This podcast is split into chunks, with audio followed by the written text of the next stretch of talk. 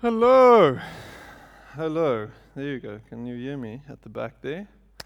I can hear you. I can hear you as well. So let's sit and just as we sit, close our eyes and let's pray. As if we haven't prayed tonight yet, but yeah, let's do it again. Heavenly Father, I want to thank you that you are close to us that you're not somewhere off far in the distance, that you are here and that we are in your presence.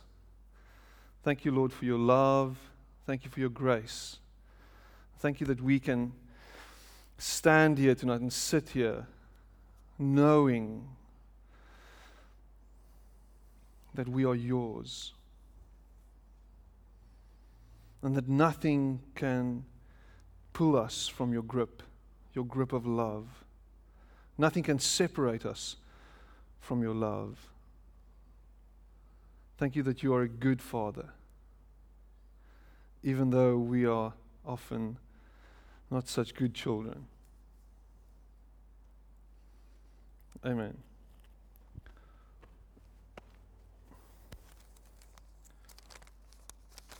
Um, someone left their lotto tickets at the back. Anybody want them back?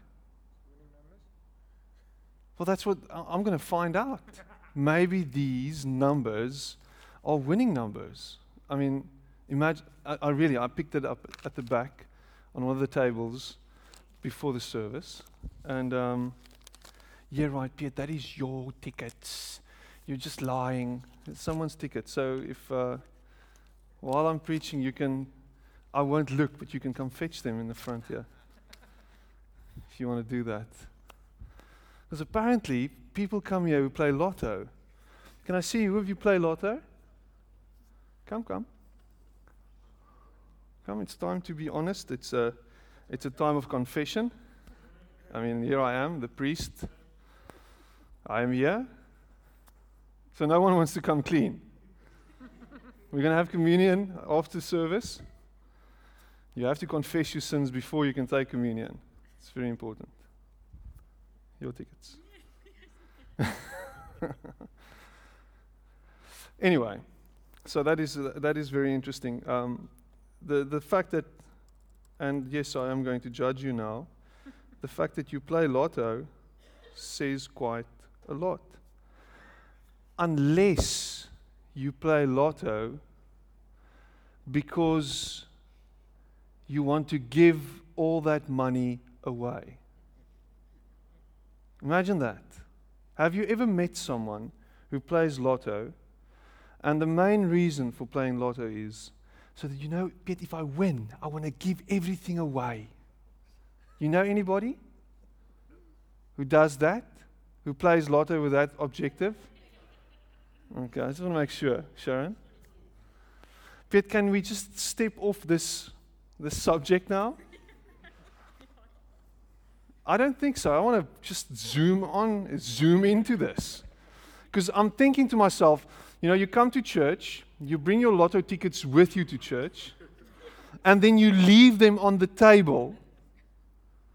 You know, you just leave them there. Maybe with this thing in mind, you know, I know I've won some money on that. Maybe the church can use that. But let's see if they actually go and cash that in. You know, it's, it's just a it's the weirdest thing. I've never, and I'm just, I'm just spitballing here, but it's just the weirdest and the strangest thing. Why you do something like that? It's interesting. I know for a fact that people play lotto for this specific reason, and that is that if I win, then most of my problems are gone. I am putting my hope in this. Let's just see this. If you're here and these are your lotto tickets, I am putting my hope in this 37 Rand 50 that I'm spending. 25 Rand on Lotto and then 25, 12 Rand 50 on Lotto Plus. What, what is the, what's the difference? And then on the other ticket, bought on the 20th of August, 22 Rand 50. I am putting my hope in this. And hopefully, it comes off. And maybe, just maybe, life won't be as tough anymore. Now, in the back of your mind, I, I know everybody that plays lotto has got this thing. You know, I'll give some of it away. I'll give some of it, maybe I'll give some of it to the church. Or maybe I'll give it to my mother, or I'll pay off some debts for someone else. I know uh, about 15 years ago, just after this church was built, we had a, a, a lady in our church who won the jackpot at the then Wild Coast Sun back in the day. She won 1.5 or 1.8 million rand. And yes, she was sitting in, you know, there was this photo of her in, in the, I think it was the Rapport then. Grandma wins millions. And the church got 5,000 rand. Yes, we did. We got 5,000 rand after the pastor went to her and asked, Don't you want to donate some of that? and she, she felt moved in her heart to give 5,000 rand, which was very nice. It's just an interesting thing to me that as a Christian, we would put our hope in something like that. And I'm, you know, I'm not picking on you if you have ever played lotto, if you've ever put money into a slot machine at Grand West, if you've ever bought a ticket at a car, kermis to win a Scarpie or something. I'm not judging you. I mean, I've entered a competition at Tyger Valley where I could win a million rand. Still waiting for that phone call. Didn't happen. It's just this, it's just the weirdest thing. We often equate happiness with money. Boom. Joy, money. Boom. And you get churches who preach a gospel of prosperity and monetary welfare and whatever. It's going to go, it's going to be better, and you, you've got to do this and follow these steps, and then God will bless you. Because God's blessing is equated to money. I can't understand that. So this afternoon, I was quickly scanning through my timeline when I, come, when I came across this specific Facebook update from someone I know somewhere in, um, in Natal. And this guy was venting. And I saw him venting, and he was venting about the following situation. I was quietly sitting, minding my own business in front of the TV when someone knocked on my door and asked for something to eat. Now, I have to be quite honest, it was a black man. Okay, the guy posting this is not black. There was a black man knocking on his door asking for something to eat. So, what I did is I went to the kitchen, you know, walking away from the cricket, went to the kitchen and made a sami, a sandwich. And I took it out, and when I got outside, the black man got upset with me because I didn't put the, the, the, the, sandwich in a plate. And what he said, oh, and he added some marshmallows as well. And what he said to me is, Is it because I'm black that you're giving me the sandwich without a plate? And immediately, this guy said he felt, you know, anger towards this black man for doing what he did. He said what he did is he threw the sandwich on the floor, on, on, on, on the driveway, on the pavement, ate the marshmallows, and walked away. He said, and, the, and, he, and, he, and he went on and he said the following He said, and this is so typical of black people.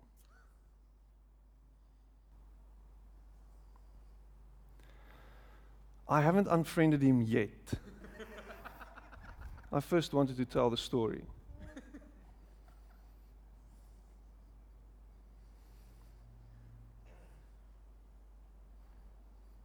This is a person considers himself a Christian, interacts with people of all races, and immediately has made a judgment about one or another person who was made in God's image. This person doesn't have an identity, doesn't know what his name is, hasn't asked his name, doesn't didn't think, you know, it good and proper to first communicate with this person, just interact with him. I want to know who he is, where he comes from, why he is in this situation. And I mean, who of us here would have done the same? Would have immediately become annoyed with this ungrateful black man for throwing this back into our faces. Who does he think he is?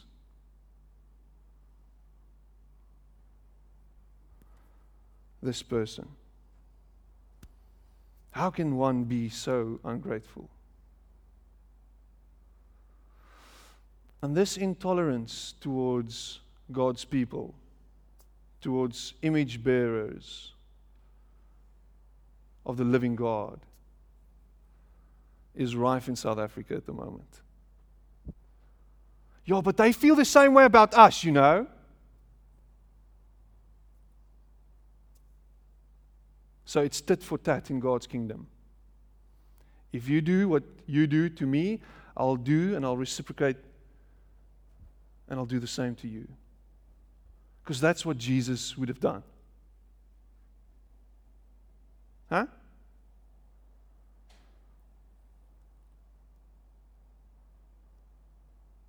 But we are so annoyed when someone comes and asks for help because we see it all over. You don't, even, you, you don't want to make eye contact with a guy begging on the corner of the street or standing at the traffic light. You don't want to make eye contact. You just devalue him immediately because of your own, maybe insecurities. I don't know.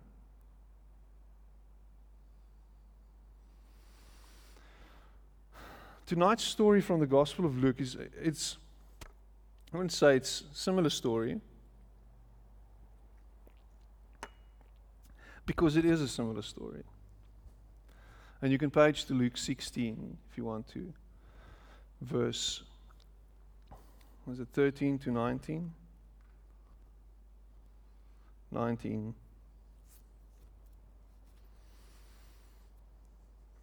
Luke 16, verses 19 to 31. And I'm going to read from the message. There once was a rich man They once were rich people.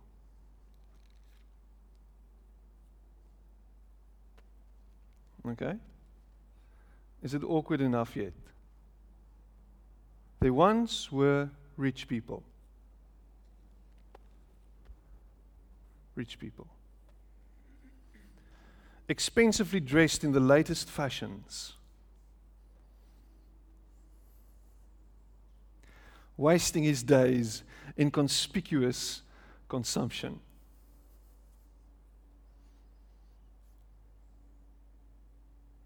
Let's just stop there for a moment. Wasting our days in conspicuous consumption.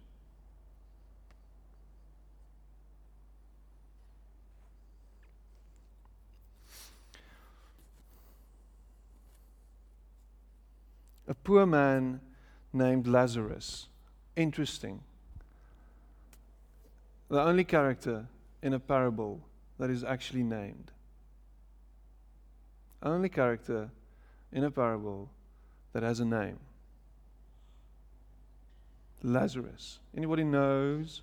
Anybody know what Lazarus means? because this is important. What does Lazarus mean? What is the name, Dr. Retief? Lazarus means God will help me.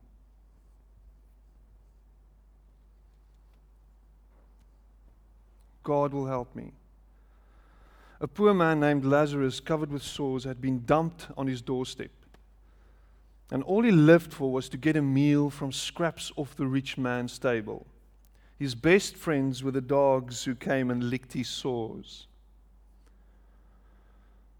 And then he died, this poor man, and was taken up by the angels to the lap of Abraham. The rich man also died and was buried. See the difference there? The poor man died and he was taken up by angels. Okay? They say nothing of a burial. Burial, you get a burial when you have money to get buried. On my way to church tonight, I listened to RSG and they were speaking about funeral policies and how it's a waste of money for some people, and for other people, it, it's really helpful. Okay? Because apparently, to die, and if you die, it'll cost you a lot of money if you're dead. So this guy was buried. The rich man was buried. The poor man, nothing was said of his burial. So he didn't get a burial. Imagine that. Imagine this picture of him dying amongst his best friends, the dogs, and maybe being devoured. Sorry for the graphic image. Devoured by the same dogs who licked his sores. This is the picture that, that Jesus was trying to paint. Was taken up by the angels to the lap of Abraham. The rich man also died and was buried. In hell and in torment, he looked up and he saw Abraham in the distance and Lazarus in his lap. He called out, Father Abraham, mercy, have mercy. Send Lazarus to dip his finger in water to cool my tongue. I'm in agony in this fire. It's so hot in here. Oh my, almost. It's getting hot in here. Yep, sorry for that. But Abraham said, Child, remember that in your lifetime you got the good things and Lazarus the bad things. It's not like that here.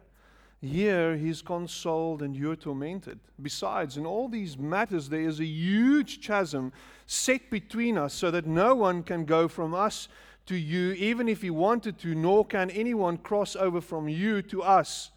The rich man said, Then let me ask you, Father, send him to the house of my father where I have five brothers, so he can tell them the score and warn them so they won't end up here in this place of torment. Abraham answered, They have Moses and the prophets to tell them the score. Let them listen to them. I know, Father Abraham, he said, but they're not listening. If someone came back to them from the dead, they would change their ways. Abraham replied, If they won't listen to Moses and the prophets, they're not going to be convinced by someone who rises from the dead. You know, how many times have we thought this? How many times have we walked around with this thought in our minds? If only, if only God would do this, if only this would happen, if only there was this miracle, if only this could happen so that so and so would believe, or so and so's eyes would be opened. I don't know if, you, if any of you have ever thought about this.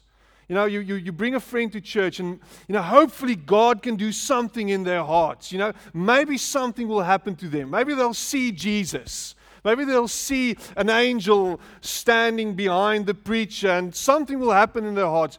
You know, maybe there's a miracle. Just uh, all I need is a miracle. Oh, there must be this miracle and then and then And Abraham says the following He says, They have the prophets, they have Moses. And if those guys can't do anything about them or anything for them, then nothing's going to happen. Not even a guy raised from the dead will do something for them. Well, that's some tough words. That's some final judgment over there. It really, it's sort of this parable and the preceding parable, which I just skipped, mind you, some of the toughest stuff you'll read Jesus speak.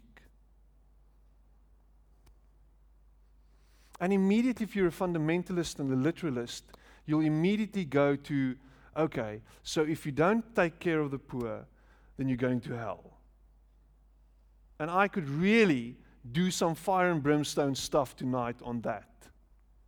And I can have you repent of your wicked ways and have you cry out to God so that you can just skip hell because you don't want that. So and immediately you want to go there with this. And you think this is what Jesus is saying. But he was saying something very important about how we should be living our lives in the here and the now. Because what Jesus was doing and what Jesus did when he came here, when he came on his mission, was to give us life and to give it to us in abundance abundance of life. John 10, verse 10. That's what he was about. We've made Jesus all about the cross and death and heaven someday. But Jesus is about the here and the now. He's about kingdom. He's about living inside God's kingdom, doing what is important now, being His hands and His feet in the here and the now. And from that, reaping a reward. Yes, eventually by absolving us from our sins, by, by taking us, our sins away, by taking our pain and, our, and all our burdens on Himself, yes, we will be free. And yes, there will be a resurrection for us. And yes, there will be life after death. Yes, yes, yes. But what happens if life or death is only 20 or 30 or 40 or 50 years from now? How do I live my life now? And Jesus is saying something very, very important on how we're supposed to live our lives. And he was speaking specifically to the Pharisees.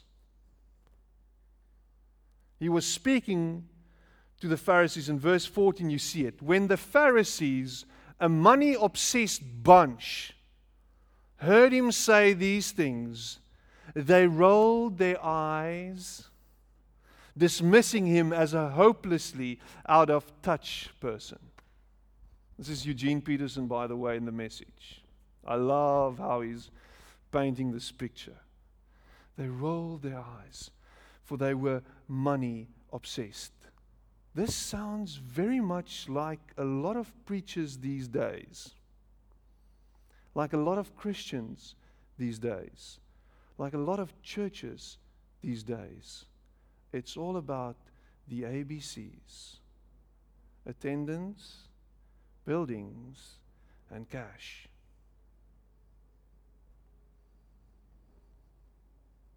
And that's why I made the statement the other night that our churches are full of Pharisees.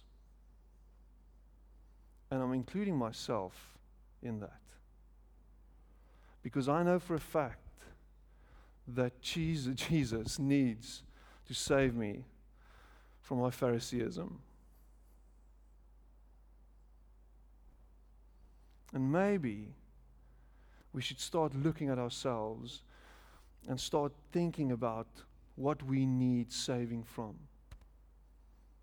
Because you, once you get to a place where you think that you're all right and where everything is fine, and we can, we can go to the next level, because there are levels apparently in our spiritual growth, levels to climb on to, you know, where you can just walk away from being a, you know, an unrepentant sinner to a maybe a repentant sinner, and then something, you know, along the way you, you, you become someone who sort of sort of um, discovers his own spiritual gifts, and I become, you know, anointed, and I'm looking after walking and be, you know, after the anointing, and maybe I can start being used by God. So it's this upward curve, apparently. And what Jesus is doing here is he's saying something very, very important.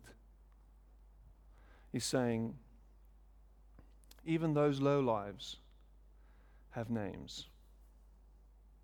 Even those, those people that are unimportant to us, those people that we think are not of much value, they have names. They are people. They are image bearers of the living God, and we need to acknowledge them.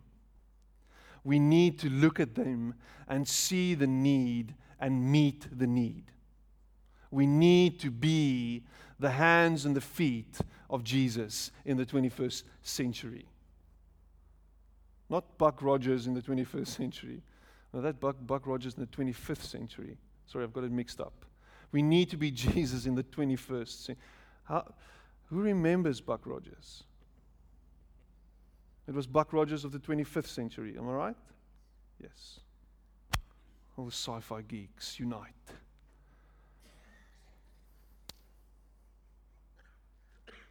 Oh man, you're getting so much value for your money tonight, Fred. It's amazing. It's spectacular. It's some value added stuff happening here. And I'm just thinking to myself, you know, what kind of place this would be. Not specifically this place, but this world we're living in, where we acknowledged every single person we came across. When was the last time you looked the cashier at the Pick n Pay in the eye and said, Hello, how are you? Just think, just think about that for a moment. And I'm not saying a cashier at Pick n Pay is a low life person. Okay? I'm just saying we treat people who give us service or who serves us like crap. I was at a Caltex garage yesterday, um, putting petrol in my car. it was, it was amazing, and I, I have to remember his name now.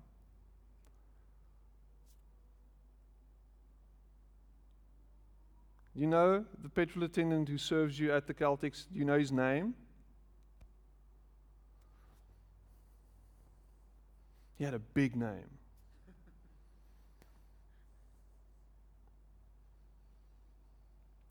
And he was slow.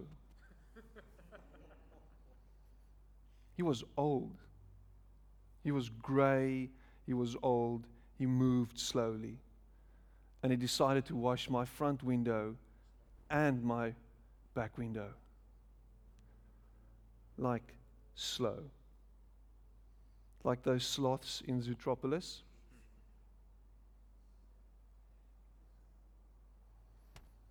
And it happens like happened in slow mo. And then I paid by card, and the card machine got out. And it happened in slow mo. And then I tipped him. And then I said, Have a great day. And I drove away. Thinking to myself, what just happened? Now, how many times do you go to the spur or to some other place, some other quick fix place, joint where you eat? And someone comes to your table, you don't even look up from your phone. Glass of water, glass of wine. You don't even look her in the eye when you order. And then when stuff doesn't happen the way you want to happen, you won't tip her. She was pathetic. Where's the manager? Is this the type of place you're running here? With your waiters, your waiting staff, you're not, not treating us like people. You know, look at this pathetic, man. I won't come back to this place.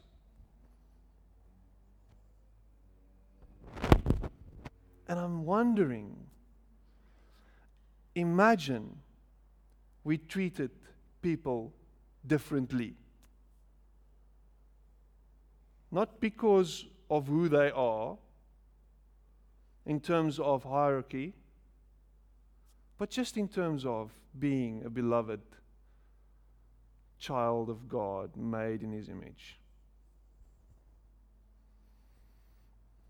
I installed the app on my phone, Truecaller. Who's got Truecaller on his phone? It's a beautiful app that helps you to suss out spam calls. Because spam is really a problem these days. And these people who want to sell you stuff, so you can decide if you want to answer that. And this week my phone skipped one of those calls, missed one of those. And I thought, this is a legit number, so let's answer it. And this woman just rambled on. She just went from do, do, do, do, do. And I was thinking to myself, just God, just help me now in this moment. How will I approach this lady without being a total SOB? So it was, lady, I'm really not interested. You say you're not interested to save money? And I said, I am not interested. Thank you very much. Now, I'm, and immediately I've told you two stories of where I have sort of, I'm patting my, myself on the, on the shoulder and saying, Well done, you did well. But there are multiple stories of me losing my cool and not being very godlike. And this guy, this Lazarus, was sitting in front of this oak's house. And what? Just think about this. This didn't probably didn't look good. Having a a leper, he's got open sores on his body, lying in front of my gate. It, it probably didn't look good. I don't want this guy here. And maybe in this rich man's mind, if I feed this guy, if I give him something to eat, he'll stay here. So I'm definitely not going to, you know, enable him. And how many times have you used those words? If I keep on giving them something, they're going to come back. So I'm not going to give them anything. I'm just going to just going to send them away. Which is it's your right. It's your home, it's your property. You can do as you please. But imagine, out of your abundance, I'm sorry for this, out of your abundance, just maybe, acknowledge the person and give him something, or ask him a question, or just ask him, What is your name? Matthias and I were uh, in um, in Joburg a couple of weeks ago. Almost a, it's almost a month now. And we spent some time with a mentor of mine, um, and we walked in the streets of Rosebank. We went to visit the, the first Starbucks in South Africa. Ooh, that was amazing. And I saw a lot of conspicuous wealth and uh, abundance there, where I paid 30 Rand for a coffee or whatever. And then we decided to walk down to another place, which is very, very, very dissimilar to Starbucks. And on our way there, we were approached by a vagrant, a person living on the street. You could see it. And it was interesting how Tom turned to him and said, because he, he targeted Tom, and Tom turned to him and said, You know what? I don't have cash on me, but what's your name? It was the most interesting thing. Immediately, the guys responded with something like Reuben. It was, it was just amazing to see. And he said, Brother, next time. Okay, next time. There was this, this connection that took place in the moment, which was beautiful to see. And I acknowledged that and I said, You know what? I really loved what just happened.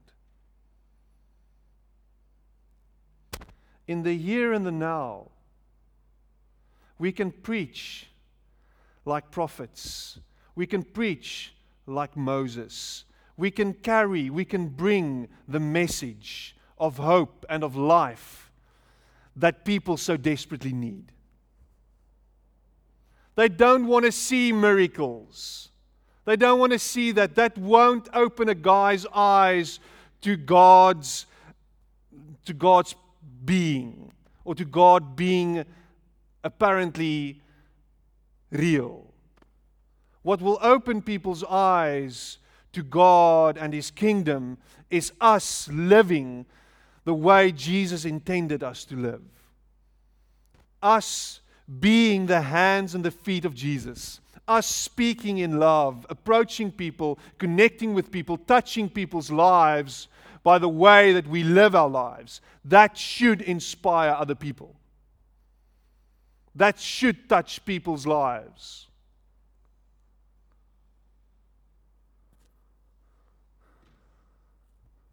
I'm going to tell another story where I can sort of pat myself on the, on the shoulder, on the back tonight. I'm just telling stories of how amazing I am, but that's not the truth. I'm, no, I'm not so amazing. But what happened was my, our, our, our oldest daughter is in grade R at the moment, which is a very interesting phase of her life. And she's got a friend, a very good friend. And we've actually met this friend's parents, and we've spent some time together with them, and have had some had some dinner with them, and heard their story. And their story is their story, the household story is that they are fervent disbelievers or unbelievers or atheists, as they would like to be known. They don't want their child to be involved in any biblical teaching at school. She, she, she's not allowed to sit under anything that comes from the Bible, not at all. Okay? And so, obviously, we chatted. And um, I don't know how they found out, but they found out that I'm a pastor, which was very interesting. Because they said, Oh, this is weird. We're spending time with a pastor, and we don't like pastors. We don't like church. We hate it. We hate religion. But what is very interesting is that their daughter is allowed to sleep over at only one couple's house apart from their own. and that is our house. Because she feels, the little girl feels safe there, she feels at home there, and she feels guarded, and she feels loved there.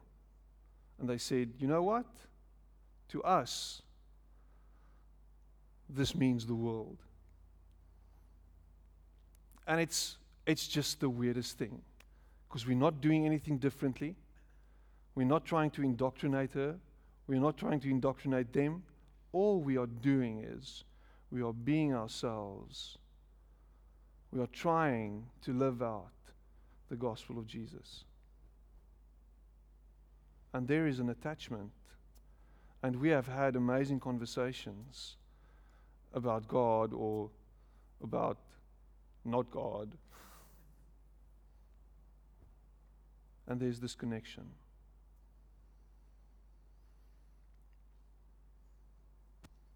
My question is eh, to you tonight is how do you see other people that are not like you? How are you living a life of blessing others with a blessing that God has bestowed on you. Which is interesting in the story again, is that Abraham's name is named. Abraham is pictured in this parable. Who was Abraham? He's the father. He's the one on, who, on whom all blessing was sort of, you know, showered. He was blessed to be a blessing. It's this beautiful picture of the Father of the nation. We are blessed, and you are blessed to be a blessing. You are called to be a blessing. And in the here and the now, what are you doing with that blessing that you have received from God? Are you sharing it? Are you busy dividing it up? Or are you hoarding it? Are you living? What's the word that was used here? Living, wasting his days in conspicuous consumption. Because we just want to gather for ourselves. We just want to, we just want to, you know, I, I want to retire, you know. I want to retire sort of okay. I want to be okay when I retire, you know. So I'm working hard for that money. I don't want to give stuff away just randomly. And when I give, I want to know where my money goes and I want to, you know, I want to have a say in it. I want to sort of control that. It's my money. I've worked hard for it. Yes, you have worked hard for it. What a shame. What a shame that you couldn't see that it's God's grace that was showered on you. That was God graciously sharing his wealth with you, entrusting you with stuff that he wants you to share amongst other people. I'm just putting it out there tonight. Are you sharing in your wealth? Or are you sharing your wealth? It didn't come out right. Are you sharing your wealth?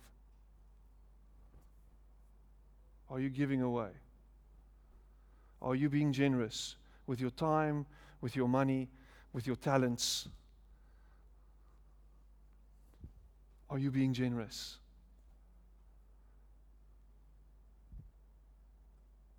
One last story.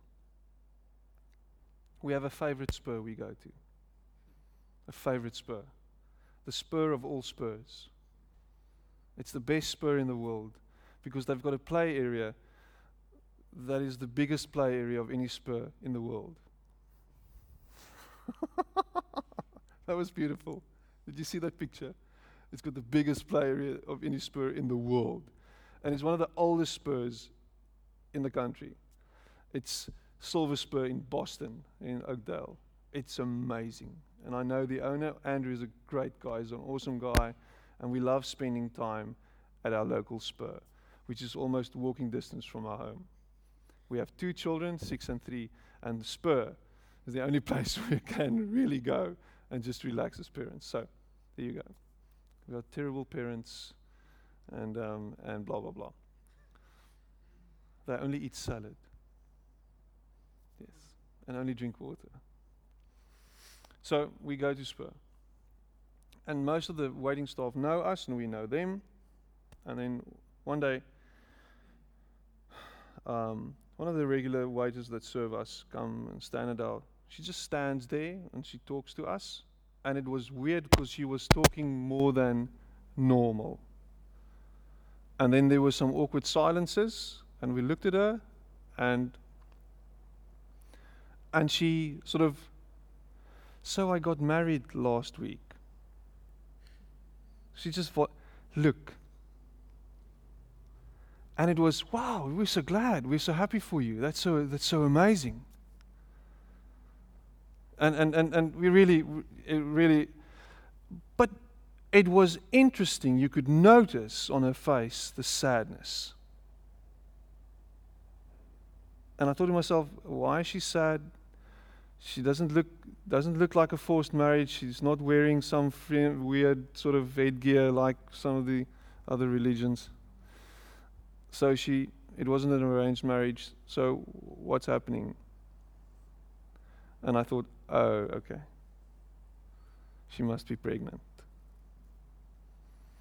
So I'm pregnant. Wow, that is so amazing. So what is what does your husband do? Yeah, he used to work here. He now works on movie sets, and I don't see him often. He comes home every three or four months, and then I see him, which is weird because she only got married a month ago. But that's the relationship they have. And she said, No, you know what? I'm very scared. I'm scared of this whole thing. And in that moment, my heart broke Because she can't be a year, she can't be a year older than 19 or 20 maybe. She was working in Spur. Her whole life was in front of her. And she got pregnant. And then they had to get married because that's the right thing to do. And now she's expecting and she's scared stiff. And Marlies was immediately sort of consoling her, speaking to her, giving her her number, asking her what she needs. How can we help you? Please contact us. Please, we want to help you. We want to we want to guide you through this because I don't have a medical aid and and and and and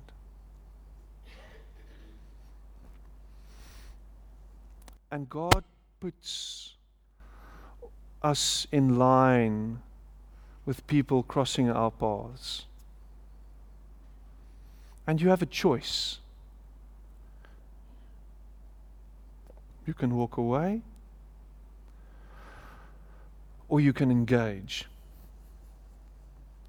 Which is the easier to do? Definitely not engaging. Which is the better thing to do? I think it's to engage.